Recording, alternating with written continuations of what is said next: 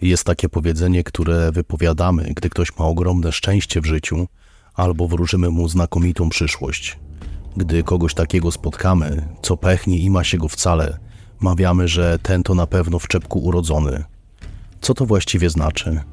Ano nic innego, jak fakt, że nowonarodzone dziecko przyszło na świat w nienaruszonym worku płodowym.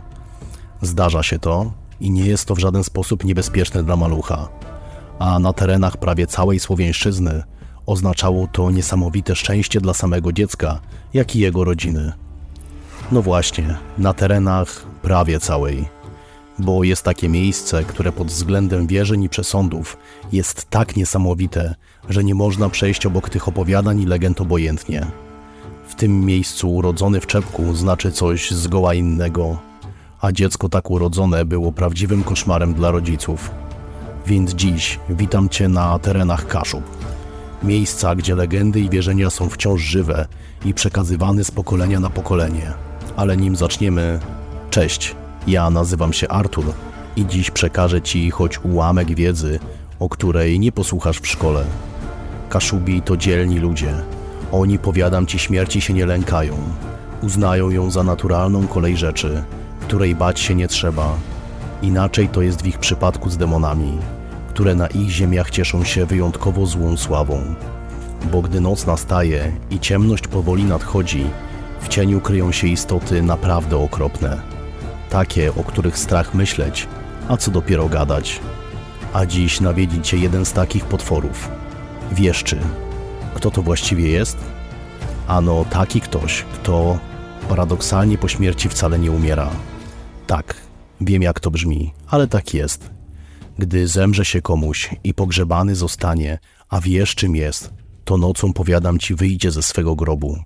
A niebezpieczny bardzo dla żywych jest, a zwłaszcza dla swoich najbliższych.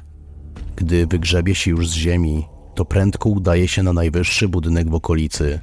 Tam wyjść zacznie przeraźliwie, a czas to będzie taki, gdzie rodzina, przyjaciele czy sąsiedzi chorować zaczną i umierać. Takie to krwawe żniwa zbiera wieszczy. Temu to tak go nazywano, bo wieszczył ludzką śmierć. Demon złą sławą owiany, bo działania jego wiele mogły żyć odebrać w niedługim czasie. Ale Kaszubi nauczyli się, jak już przy narodzinach rozpoznać, kto z grobu powstanie. Jak wspominałem na początku, w czepku urodzony to dziś pozytywne znaczenie, ale dawniej na Kaszubach wywoływało ciarki na plecach. Bo to właśnie oznaka tego, że na świat właśnie przyszedł wieszczy.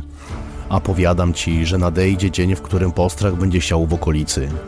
Ciszewski zaś pisał, że wieszczy powstanie, gdy zemrze się jednemu z dwójki przyjaciół. Wróćmy może do tematu samej śmierci. Gdy już kto taki zmarł, stawiano otwarto trumnę w domu.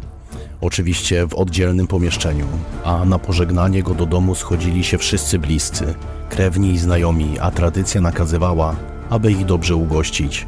Co chwila ktoś chodził i zaglądał do trumny, czy aby na pewno ze zmarłym nie dzieje się nic niepokojącego, czy kolorów nie zmienia na czerwone, czy ciało sztywnieje.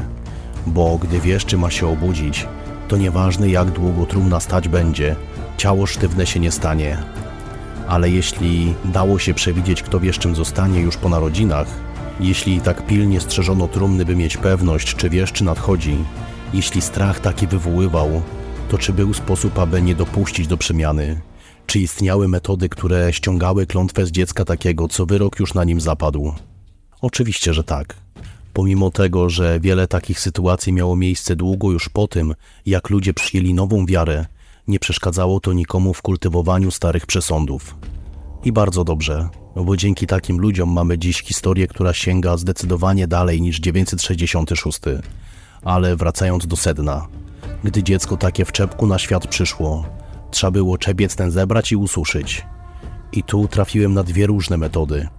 Bo jedna głosi, że gdy czepiec wyschnie, trzeba zetrzeć go na pył i dziecku z mlekiem matki dać do wypicia. Druga zaś mówi, że gdy dziecko dopiero 7 lat skończy, wtedy to czepiec pokruszyć i dać z czymś do wypicia.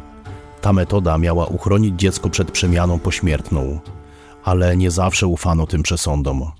Gdy komuś się zmarło, a podejrzenie było, że rychło się zmieni, nie próżnowano. Już w trumnie wkładano nieboszczykowi kartkę z książeczką do nabożeństwa, ale bez słowa amen.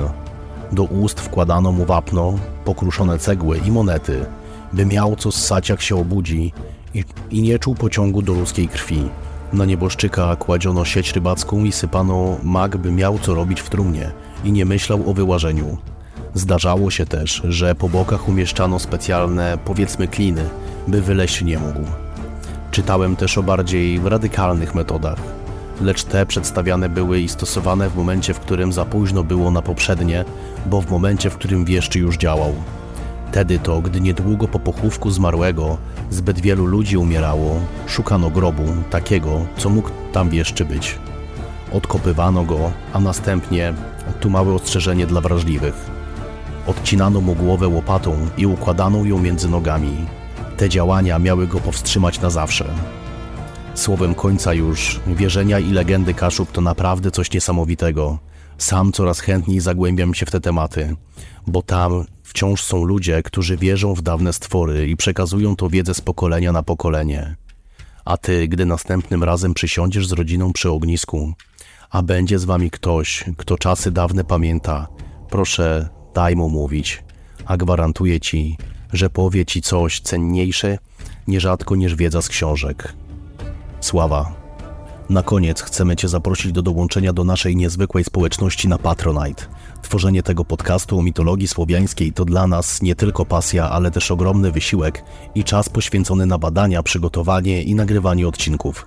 Twoje wsparcie na Patronite to nie tylko gest wdzięczności dla naszej pracy, ale też szansa na rozwijanie naszego podcastu, poszerzanie tematów i jakości dźwięku. Dzięki temu będziemy mogli dostarczać Ci jeszcze więcej fascynujących historii i wiedzy o naszych przodkach. Wsparcie na Patronite oznacza dla nas wiele, dlatego liczymy na Twój odzew i perspektywę. Razem możemy stworzyć coś naprawdę wyjątkowego.